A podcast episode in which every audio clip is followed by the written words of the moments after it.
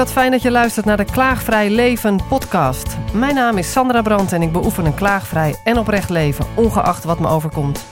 Ik ben nieuwsgierig in hoeverre onze mindset ons leven bepaalt. Volg mijn zoektocht naar de antwoorden en ontmoet bijzondere gasten met een inspirerend verhaal in deze serie podcasts.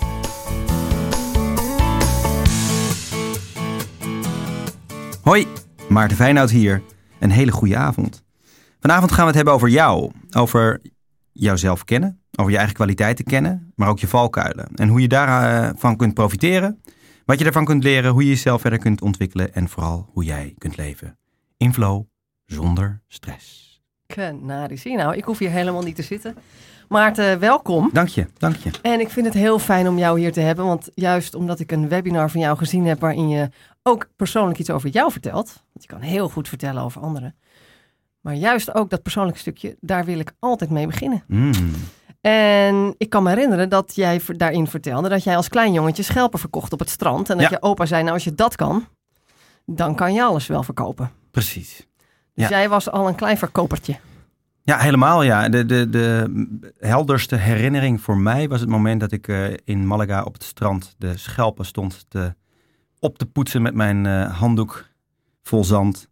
Eh, en de schelpen daarna eh, op de boulevard op een klein eh, doosje wist te verkopen. Of eigenlijk was het op de rand van, eh, van, van de boulevard. Ja. En alle mensen die daar langs liepen, die dachten, wat een schattig jongetje. En hé, hey, wat een mooie schelpen. Die ze in principe drie, vier meters verder zelf ook konden vinden natuurlijk. Maar die waren lang niet zo mooi opgepoetst en werden lang niet met zo'n grote glimlach aan hun aangeboden. Dus het is ook de beleving waardoor je wil kopen. Ja, zeker. Ja, de gunfactor was De daar gunfactor, heel hè? hoog. Ja, Daar was je ja. toen nog niet helemaal bewust van, maar eh, daar, dat zag je waarschijnlijk Nou, ik, later. ik merkte wel dat ik met mijn glimlach en met mijn energie wel mensen eh, kon enthousiasmeren. Hoe oud dus ik kon wel meenemen. Ik denk dat ik rond een eh, jaar of zeven, acht was. Ja. ja. ja. En, ehm, ehm, maar ik, ik, ik, de verhalen vertellen van mijn ouders, dat ik al vanaf jongs af aan op bergen aan zee ook al deed. Ja. En dan was ik vier, vijf, zes jaar. Mooi, mooi om mee te beginnen. Eh, en, en later in het leven kwam daar een beetje een, eh, een druktemakertje uit. Nou, dat was toen al hoor. Ja, dat was toen al. Ik had meer schelpen gevonden dan ik uiteindelijk had verkocht. Maar dat kwam niet omdat ik weinig verkocht, maar omdat ik heel veel meer zocht en vond. Ja. Want ik wilde gewoon lekker bezig zijn. Ja. En, soms liet ik mijn winkeltje ze dan ook... soms, eh, daar hebben ze soms een stempel voor. Ik, zou, ik hoorde je dat ook vertellen in, in je webinar. Ja. Eh, is er een reden voor dat je een stempel hebt eh, ontvangen of moeten krijgen? Nee, helemaal niet. Eigenlijk heb ik dat pas op latere leeftijd gehoord van mijn ouders. Eh, bij de geboorte ehm, eh, ben ik er nogal moeilijk uitgekomen, zeg maar, uit mijn moeder. En ehm, eh, dat heeft ertoe geleid dat de dokter toen ter plekke zei... deze jongen zou wel eens tot zijn zevende, achtste levensjaar... behoorlijke hyperactiviteit ehm, symptomen kunnen vertonen. En eh, nou, mijn ouders vroegen zich op mijn tienjarige leeftijd... vertelden ze dat en toen zeiden ze...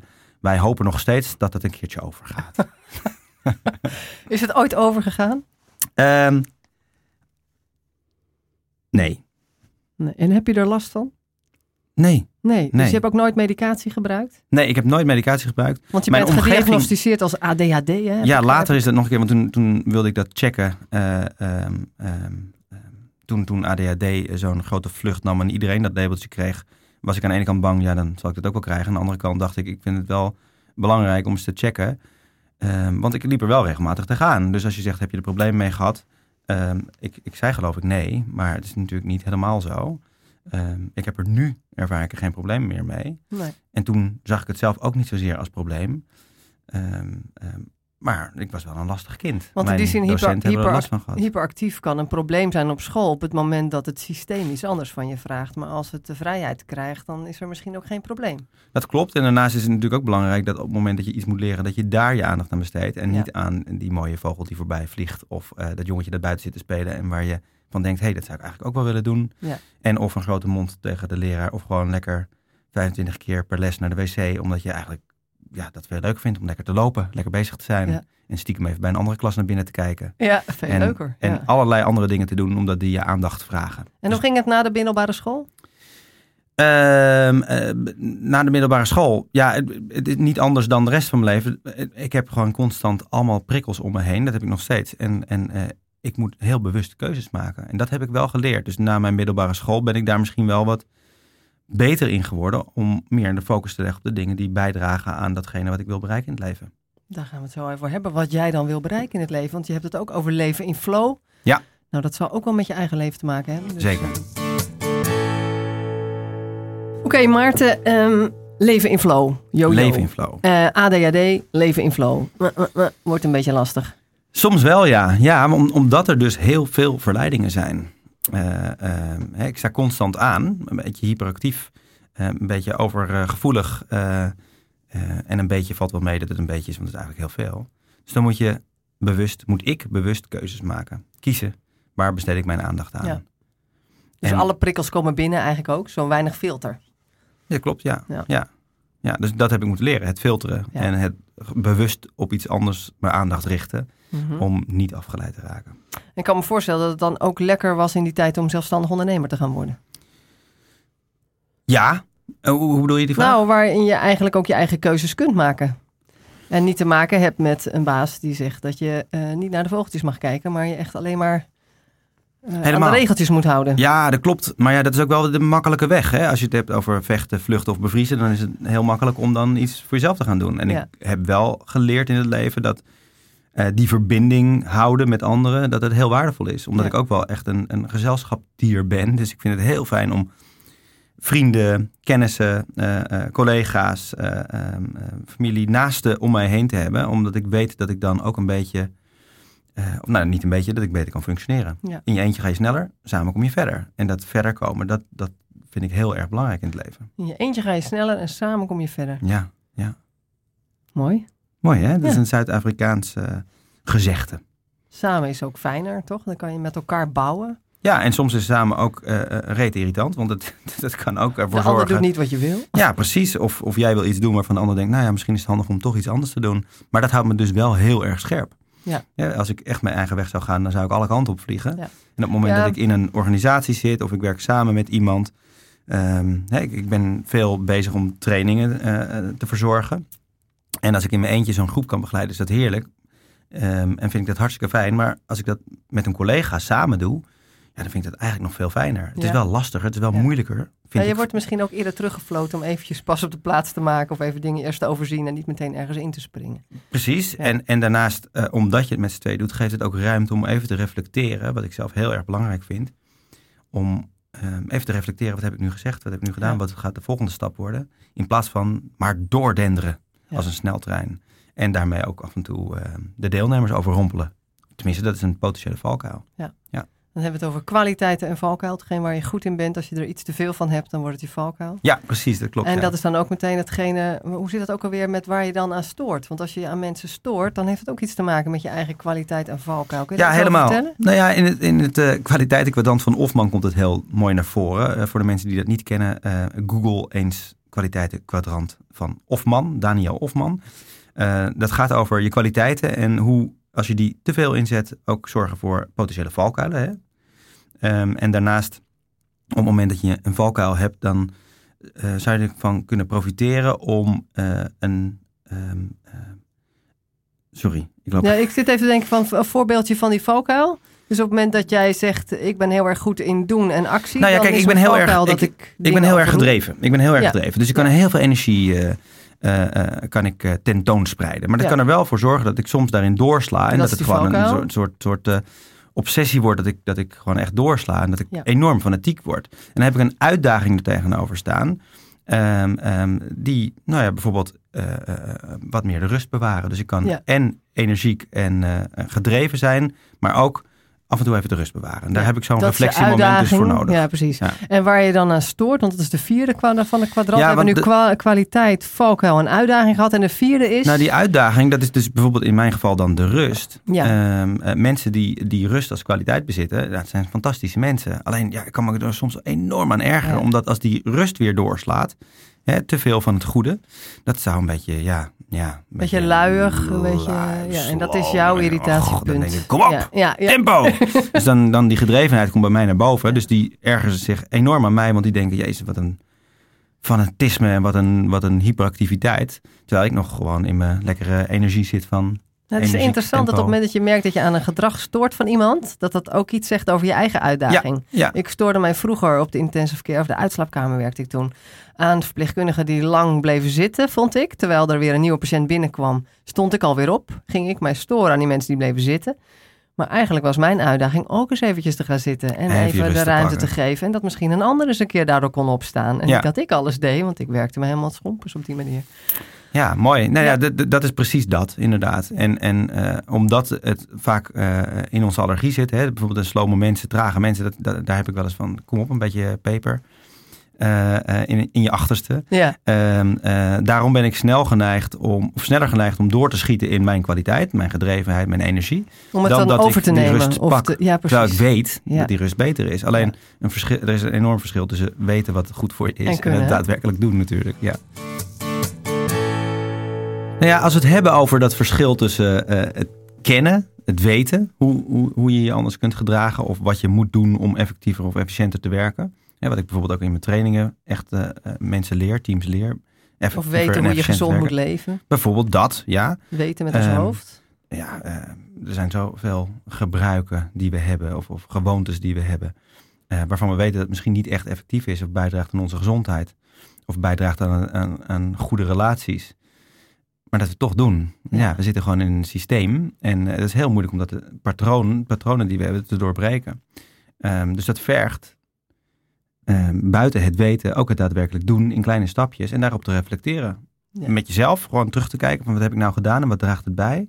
Maar ook eh, eh, met bijvoorbeeld collega's of vrienden of eh, eh, andere ondernemers als je zelfstandig eh, actief bent. Ja, voor, voor het privéleven heb ik wel eens gehoord. Als je gezonder wil leven, maak dan inderdaad ook heel klein. En, en pas het tussen twee normale situaties in. Bijvoorbeeld uit bed stappen naar het toilet gaan. Dat je net daarvoor, of net tussen toiletgang en naar de douche. Dat je net daartussen een meditatiemoment maakt. Of, Ja, we zijn heel erg gebaat bij het gestructureerd inplannen. En hoe, hoe flauw het ook klinkt, ik zeg ook wel eens, als we een training hebben, sowieso vraag ik altijd eh, na afloop van deelnemers, eh, benoem nou eens even een actie. Wat ga jij daadwerkelijk doen? Want tussen het bedenken en het daadwerkelijk uitspreken aan je collega's zit al een heel verschil. Mhm. Want dan, ja, ja, eh, dan, dan, dan uit je het. En dan heb je ook nog een keertje dus collega's die erop terug kunnen komen. En die zeggen van, joh Sandra, je zou toch dit doen? Hoe zit dat? Eh, en daarnaast eh, ja, programmeer je het een beetje bij jezelf. Van, ja, dat ga ik doen. En dan is het ook nog fijn, precies wat jij zegt, dat je ook een, een, een specifiek moment hebt. En ik ga ja, dus deze dat je week... hardop uitspreekt wat je wil veranderen. Dat je het klein maakt in een stapje die je kunt zetten. Ja. Net als Kevin Weijer eerder al zei. Ehm, en? Nou ja, en dat je het gewoon bijvoorbeeld in je agenda inplant. Met, met een feedbacktraining zeg ik ook wel eens, joh, zet aan het eind van de week eventjes een moment in je agenda waarop je iemand heel geforceerd feedback gaat geven over iets wat je ergert of eh, iets waar je je aan ergert of eh, eh, juist een compliment. En dat klinkt dan heel geforceerd en gemaakt. Maar ja, daar hebben, dat, we weten dat ons brein daar behoefte aan heeft en dat wij als mensen behoefte aan hebben, die structuur. Dus hoe vaker je zoiets vast in je agenda plant, hoe groter de kans is dat het op een gegeven moment Ja, in je werkt systeem ons brein komt. zo? Ja. Hm. Ja.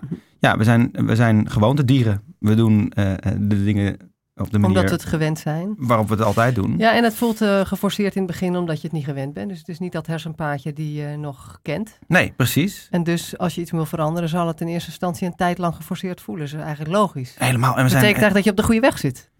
Hoe bedoel je dat? Nou, richting verandering. Als je iets wil veranderen, voelt het in het begin geforceerd. Mensen Ja. willen wel eens stoppen omdat ze het geforceerd Ja. vinden. Ja. Alleen dat is juist het teken dat je op de goede weg zit. Helemaal, helemaal. Ja, want als kind ben je ook gewend om in eerste instantie "Nah" te roepen en je krijgt meteen je eten of je drinken. Eh, maar dat, Ja. tegenwoordig werkt dat niet meer. Het zou heerlijk bij zijn mij- als het gewoon kan. ja, bij mij werkt dat thuis niet meer, Niet, moet ik je zeggen. nee. Ja, ik moet het of zelf maken of ik moet het heel vriendelijk vragen eh, aan, aan de mensen in mijn omgeving. Ja, en dan, dan zou het wel eens kunnen dat ik, dat ik wat eten krijg. Ehm, ehm, maar nee, we moeten dus ons constant aanpassen. En dat geforceerde... We zijn best wel gewoontedieren. We zijn heel conservatief. Dus Ja. ons brein zal tegen onszelf zeggen... Hoezo moeten we veranderen? Want je leeft nu toch nog. Hè? Dus alles wat je tot nu toe hebt gedaan is goed geweest. Ja. Dus bijvoorbeeld een, een, een, een, eh, een, een habit als roken. Ja, eh, in de eerste instantie zal je brein tegen jezelf gaan vertellen van joh, eh, ja, als je gaat stoppen met roken, word je een stuk dikker. En eh, eh, ik heb een opa die is eh, 93 geworden en eh, die heeft zijn hele leven gerookt. Dus zo slecht is het ook weer niet voor je. Hè? Dus we zijn, ons brein gaat zijn eigen gang om ons te overtuigen van de gewoontes die we hebben. Ja, en, en dan eventjes naar eh, de week van de werkstress die gaat komen. Ongezonde gewoontes die jou eigenlijk meer stress opleveren. Nou, eh, een van de gewoontes wat je zou kunnen hebben op het moment dat je stress ervaart, is dat je toch nog eventjes dat ene wil afronden. Ja. Je weet dat het fijner is om op tijd naar huis te gaan. Je weet dat het fijner is het om eventjes rust te nemen. Maar het moet af. Ja. Dat is de afspraak die je hebt gemaakt. Ehm, eh, op het moment dat je daar even op gaat reflecteren en gaat, jezelf gaat afvragen hoe belangrijk is het daadwerkelijk dat ik het afmaak. En eh, wat kost het mij op het moment dat ik dat nu af ga maken. Ehm, ehm, of daarop gaat reflecteren met collega's. Ja, hoe vaak komt het niet voor dat iemand aan je vraagt, joh, kan je dit eventjes nu doen? En een heel grote kans dat als je dan vraagt, wanneer wil je het af hebben? Kan Dat een collega zegt van, joh, eh, nou ja, in ieder geval moet volgende week af zijn. Dan Ja. kan je dus gaan plannen in plaats van dat je het meteen nu gaat doen. Dus we zijn heel vaak gewend om ad hoc aan de slag te gaan met zaken die, ja, op het moment dat we even de tijd voor nemen, even reflecteren, makkelijk kunnen worden bedoel overgedragen jij naar even een momentje voelen van eh, hoe is het voor mij eigenlijk echt? In plaats van dat je direct reageert Ja, op de precies. vraag van kun je het even voor me doen? Want dan ben je meteen geneigd te zeggen ja natuurlijk. En daarna denk je oh wacht even, maar past het wel echt? Maar dat je dat momentje even iets eerder pakt. Ja, en, en dat je bijvoorbeeld even dat bespreekt met een collega van hoe belangrijk is dit? En eh, wat vraagt die klant nou echt? Bijvoorbeeld een klant die zegt van joh, kan je dit even regelen voor me? Je kan meteen in de bres springen, maar je kan ook achterhalen wat is nou precies wat die klant wil. En eh, misschien kan ik dan wel een hele andere dienst leveren. Of hoef ik helemaal niks te doen, maar kan ik gewoon uitleggen wat ik heb geleverd. En misschien volstaat dat al, maar, maar snapt die klant het nog niet. ja hè? precies, dus dat je onder de vraag gaat zoeken wat is eigenlijk de behoefte? Ja. In plaats dat je meteen reageert en iets moet oplossen voor een ander. Precies, precies. En misschien ook structureel iets oplost. Hè? Dus niet meteen gaat oplossen op dit moment, maar Ja. dat je nadenkt over, oké, misschien kost het iets meer tijd, maar als ik het nu structureel inregel, dat het voor de toekomst voor mijn collega, mijn klant nog beter is, dan kost het me nu misschien wel een half uur, maar dat scheelt mij elke komende week weer 10 minuten ad hoc werk. We hadden het over ad hoc werk nou. En dat is eigenlijk hetzelfde waar we mee begonnen. Namelijk eh, eh, op elke prikkel ingaan. Die neiging die jij eh, herkent van jongs af aan. Ja. En wat zo vermoeiend is. Want daar loop je uiteindelijk op stuk. Sommige mensen gaan de burn-out in, zullen we maar zeggen. Door op elke prikkel in te gaan. En niet eigenlijk al vooraf te, te tunen met je lijf. Van hoe is het met mij eigenlijk? Kun je nu het bruggetje maken naar leven in flow? Want daar is dus voor nodig dat je elke keer kiest wat is goed voor mij, toch? Of is, het, is Nou, dat iets te simpel gezegd? Ik weet niet of dat het simpel gezegd is, maar ik zou zeggen dat ehm, ehm, ehm, mijn eerste gedachte bij flow is dat je dingen heel ontspannen kan doen zonder dat je er tegen verzet. Hm. En op het moment dat je een plan hebt, een idee hebt hoe het moet gaan en alles onder controle wilt hebben, ja, dan ga je dat per, per definitie niet ervaren. Om, ehm, eh, je dan en heel druk in je hoofd eh, bezig bent met hoe het zou moeten zijn en alles zoals het is, eh, nou ja, zou dan anders kunnen zijn dan hoe het in je hoofd zit. Ehm, en daarnaast is het een illusie om te denken dat je alles onder controle kunt hebben. Want mensen en dingen doen gewoon dingen die jij niet onder controle kunt Nee, hebben. en het voelt al meteen in de spanning. Als je het woord controle zegt, voel ik al spanning bij wijze van ja, de spreken. behoefte aan controle komt voort uit, eh, uit een gebrek eigenlijk aan vertrouwen dat het wel goed zal komen. Ja. En ja, heel erg, ehm, ehm, nou misschien is het een beetje, beetje zen gezegd of, of eh, kan het wat zweverig klinken, maar eigenlijk is alles zoals het is. En hoe meer je dat kan accepteren Ja. en hoe meer je het vertrouwen hebt dat jij op het moment dat je iets wil bewegen of veranderen, dat je daar zelf je eigen verantwoordelijkheid in kan nemen. Ehm, eh, eh, en dat je dan ook accepteert dat het soms anders kan uitpakken dan dat je eigenlijk zou willen. Ja, dan kan je meer in flow leven. Ja, precies. En ik las ook een stuk op LinkedIn, daar stond in dat eh, organisaties steeds meer eigenlijk strakkere controle willen gaan uitvoeren op het moment dat er spanning stijgt. En volgens mij is dat voor, voor jou, in, voor mij, in het privéleven of, of wat voor moment dan ook. Zodra er eh, wat ongemak is of spanning stijgt, ga je geforceerd proberen dat zo gauw mogelijk weg te poetsen. Dus eigenlijk met, met een stuk controle uit te oefenen. Terwijl als je inderdaad meer vertrouwt en loslaat en nou ja, het is ook wel eens een periode wat minder eh, rooskleurig. Als je dat meer kunt omarmen, dan is het ook wat relaxter. En dan kan die flow ook eerder terugkomen. Ja. En zoals ik Kevin Weijers dan bij de vorige interview hoorde, hij zei als je alles dichttimmert in je agenda, dan kan je ook niet meer openstaan voor wat moois in je, op je pad komt eigenlijk. Nee, nee, nee, dat klopt helemaal. En daarom, nou ja, dat is een hele mooie, want ik, ik adviseer en ik pas zelf ook toe dat ik momenten in mijn agenda plan eh, met tijd voor niks. En dan geeft dat dus ruimte om op een klantverzoek toch eventjes wat meer, eh, eh, daar wat meer aandacht aan te besteden. Eh, een deelnemer die mij nog belt van, joh, ik heb nog even een vraag hierover. In plaats van dat ik denk, oh, daar heb ik helemaal geen tijd voor. Ik moet nog dit doen, ik moet nog dat doen. Ja, precies. Weet ik, hier kan ik mooi die ruimte voor gebruiken die in mijn agenda is ingepland. Dus om- ruimte vrij plannen, Ja. maar ook op het moment dat iemand eh, je ruimte bijna wil innemen. Als je in de agenda kijkt, lijkt het leeg. Maar leeg betekent niet dat je altijd ruimte hebt voor welke opdracht dan ook. Het is Nee. ook gewoon goed om leeg te laten zo nu en dan. Precies, en dat vergt dus ook dat je dat communiceert met je omgeving. Ja. En dat je dus, vind het wel leuk. We uh, geven ook die trainingen bij AVK. Die gaan over uh, stoppen met vergaderen. Want dat is het trainingsbureau waar jij voor werkt? Ja, ja. ja dat is AVK. Um, we zitten in Tilburg, maar we werken door het hele land. En, en een van de trainingen die we veel verzorgen is bijvoorbeeld stoppen met vergaderen. En die term klinkt een beetje alsof je daarmee moet stoppen. Maar het gaat meer om kritisch te kijken naar ehm, de tijd die je besteedt en de manier waarop je ja, aan de slag gaat met vergaderen. En bij heel veel organisaties dat enorm veel. Ja. Uh, en een van de eye-openers, en, en, dat verbaast mij elke keer weer, dat mensen dus beseffen, ik hoef niet meteen accept te klikken of decline. Ik kan ook gewoon eventjes degene benaderen met, joh, wat is mijn inbreng? Wat verwacht je van mij?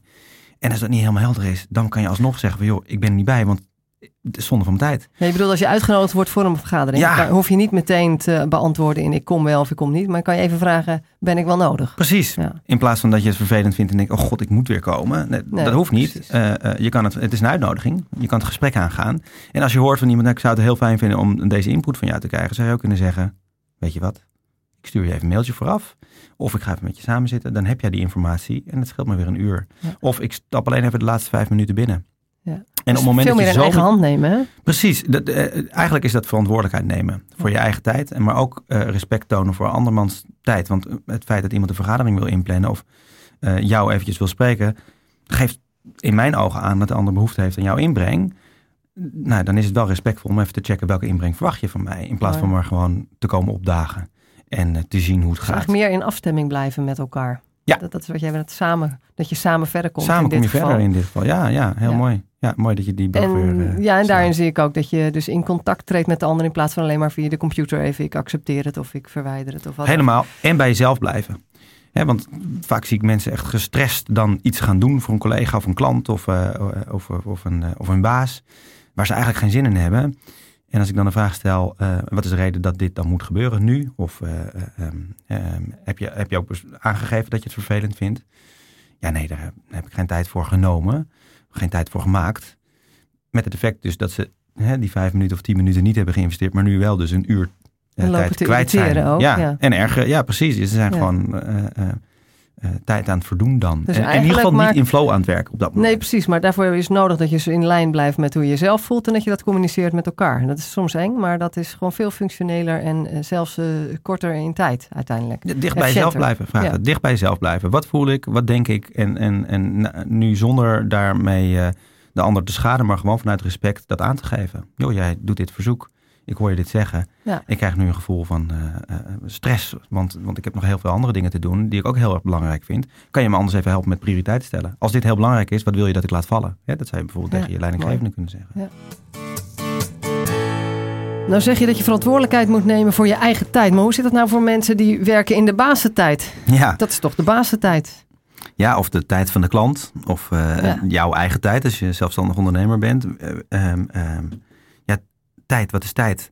Jij, eh, heel vaak denken we dat um, we ergens uh, van 9 tot 5 bijvoorbeeld moeten opdagen om daar uh, geld voor te krijgen. Hè? Dus we ruilen onze tijd en energie in voor een, klein beetje geld.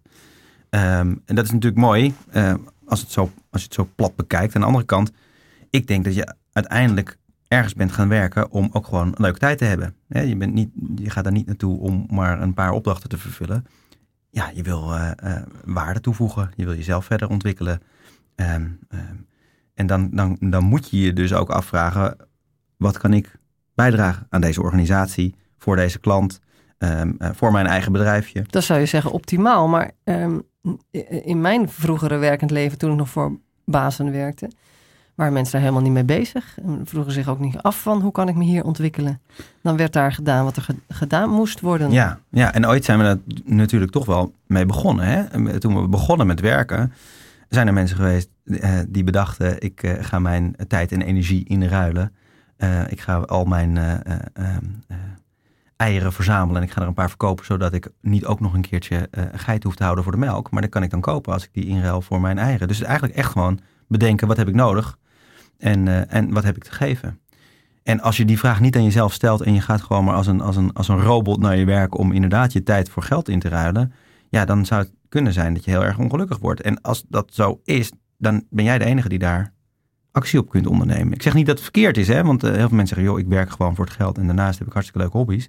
Prima. Maar op het moment dat je merkt dat je gestrest raakt of dat je in een sleur raakt of dat je nou ja, eigenlijk jezelf uit bed moet slepen om naar je werk te gaan, dan zou je jezelf kunnen afvragen, doe ik het juiste werk wel? Of ben ik inderdaad die waarde aan toevoegen, mijn kwaliteiten echt aan het inzetten, um, die ertoe doen? Iedereen heeft een, een, een mooie gave, iedereen heeft iets te brengen.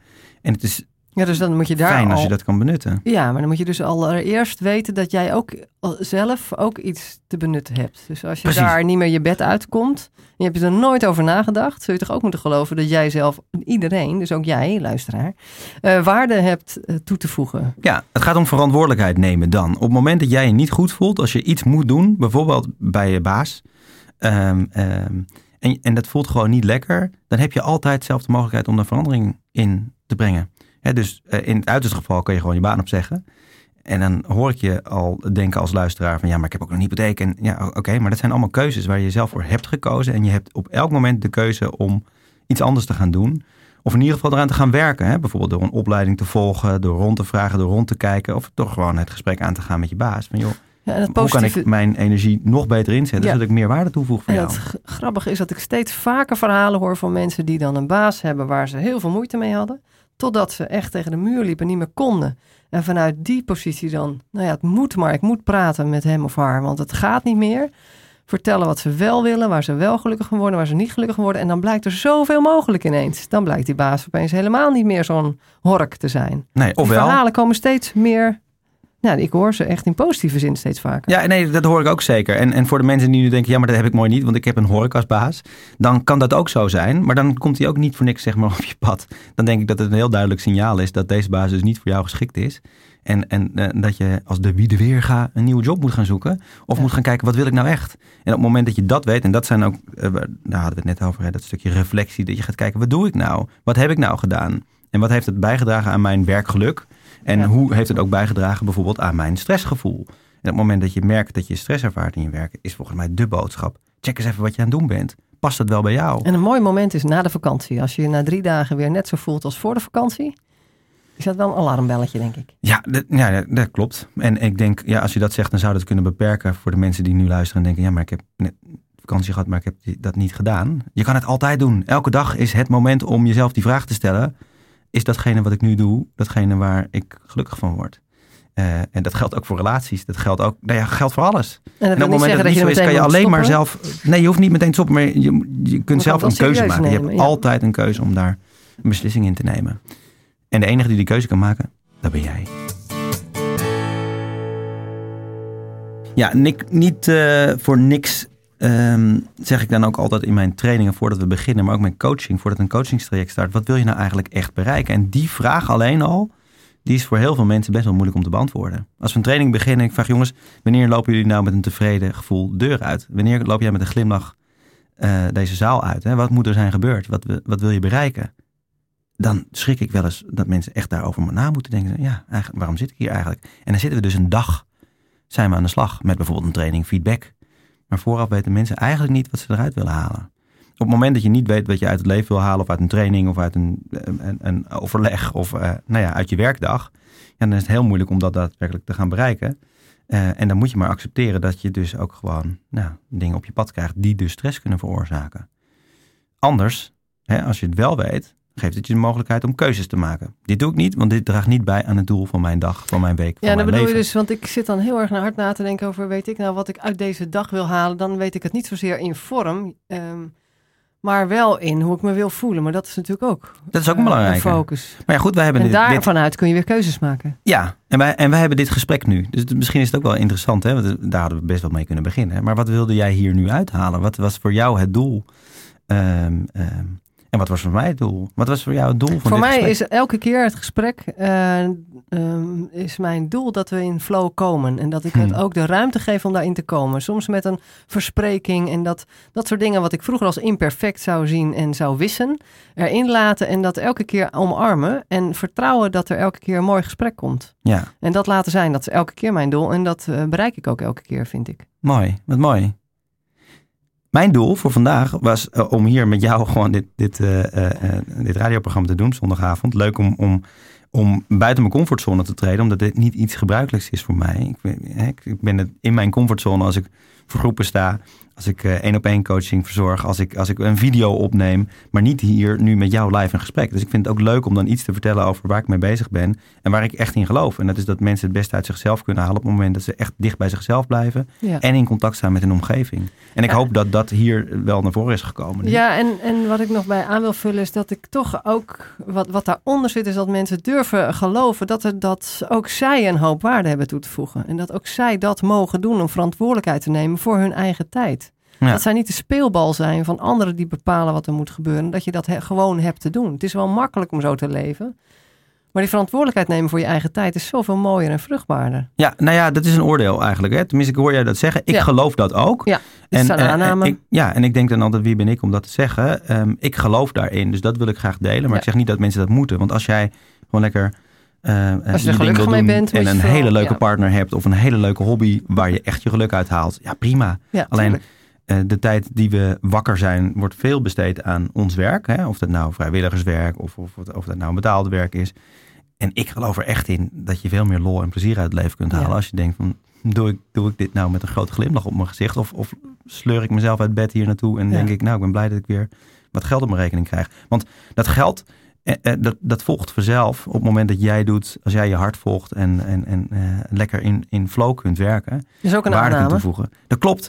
En, en nou, maar dat klopt, dat is een aanname. En ik geloof daar heilig in. Ja. Ik zie heel veel mensen dingen doen waarvan ik denk, hoe kan je daar geld mee verdienen? En als ze er zoveel passie en energie in stoppen, dan creëren ze gewoon Ja. een situatie waarbij het geld naar hen toe gaat stromen. Net als het schelpje op het strand. Hoe kan je nou in godsnaam schelpen verkopen Ja. op het strand? Ja, maar dan maken we mooi weer rond. Ja. Dat Wauw. zouden ook van mensen van denken, ja, dat gaat nooit werken.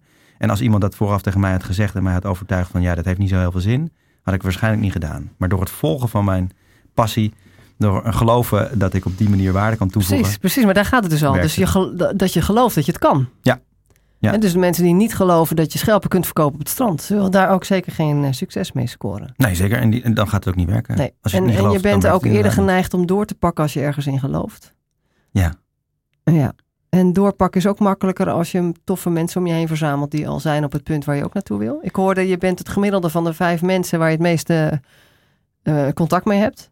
Dus daar kun je zelf ook iets in doen. Ja, Dus als je een stap wil maken ja. in je leven, van al is het een gezonde levensstijl, al is het eh, ondernemerschap of op je werk, creëer dan de mensen om je heen die daar al zijn, waar jij wil komen. ja, ja dat dat kun mooi. je zelf creëren en dan kun je daarvan leren, je kan elkaar voeden en je komt weer een stap verder. Ja, en het, het is mooi, want dit zeg jij en het klinkt dan heel logisch. Maar ik las gisteren nog een heel mooi onderzoek waarin, eh, of tenminste een, een geheim onderzoek wat Facebook heeft gedaan met het posten van berichten op iemands timeline die wat negatiever getint zijn. En die mensen mhm. lieten significant meer negativiteit zien in de berichten die zij plaatsten, de reacties die zij plaatsten, dan mensen, eh, de, de, de controlegroep, die positiever getinte Ja. berichten kregen. Die waren ook gewoon positiever in hun uitingen. Maar dat zijn de spiegel, spiegelneuronen. Dat als je iets vertelt, dat de ander meteen iets herinnert op datzelfde vlak. Ik had het gisteren nog dat ik een verhaal vertelde wat eh, heel persoonlijk was. En die ander voelde zich daardoor eigenlijk ook heel uitgenodigd om iets soortgelijks ook te delen. Iets Ja. wat heel persoonlijk was. En je, je, toen dacht ik, hé, hey, dat is hetzelfde als met klagen. Als ik klaag, dan weet de ander ook nog wel een klaagverhaal. Maar als ik het meer proactief pak, of iets waar ik behoefte aan heb, dan kan de ander dat ook meer uiten. Ja.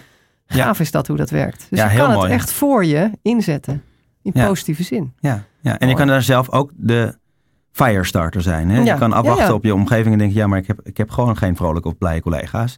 Je kan ook denken, weet je, als ik die vrije, eh die, Ik neem die vrolijke mee. collega ben, dan, dan zorgt het ook voor vrolijkheid in mijn omgeving. En gaan we samen leg, upliften leg we eens een elkaar. complimentenkaartje neer bij de ander. Bijvoorbeeld. Ja. Ja, Maarten, dankjewel. Ik moet helaas afronden met je alweer. Tijd is om. tijd is om. Wil je ik nog een, je eh, een mooie quote of een woosh of een eh, tip of een idee geven voor de luisteraar als afsluiter? Ah, nou, ik, dat stukje reflectie kwam wel terug. Hè. Reflecteer eens eventjes op jouw weekend nu, op zondag. En, en kijk eens even vooruit naar je komende week. Wat ga je bereiken? Wat ga je doen? Wat ga je uit de volgende week halen?